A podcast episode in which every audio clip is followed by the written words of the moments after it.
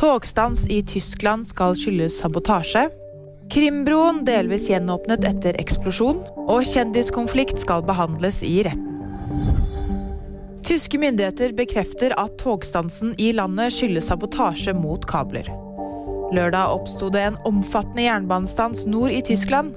I ettermiddag bekreftet den tyske transportministeren at stansen skyldes to kuttede kabler i Berlin og Dortmund.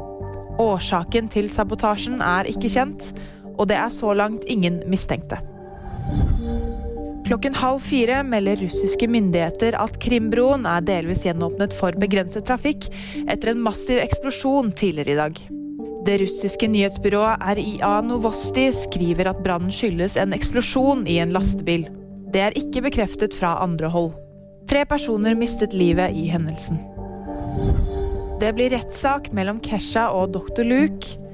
En dommer bestemte fredag at stridighetene mellom popartisten Kesha og musikkprodusent og låtskriver Lucas Dr. Luke Gottwald skal behandles i rettssak foran en jury.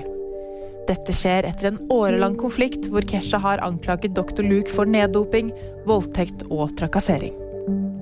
VG-nyheter fikk det av meg, Fride Rive Lie.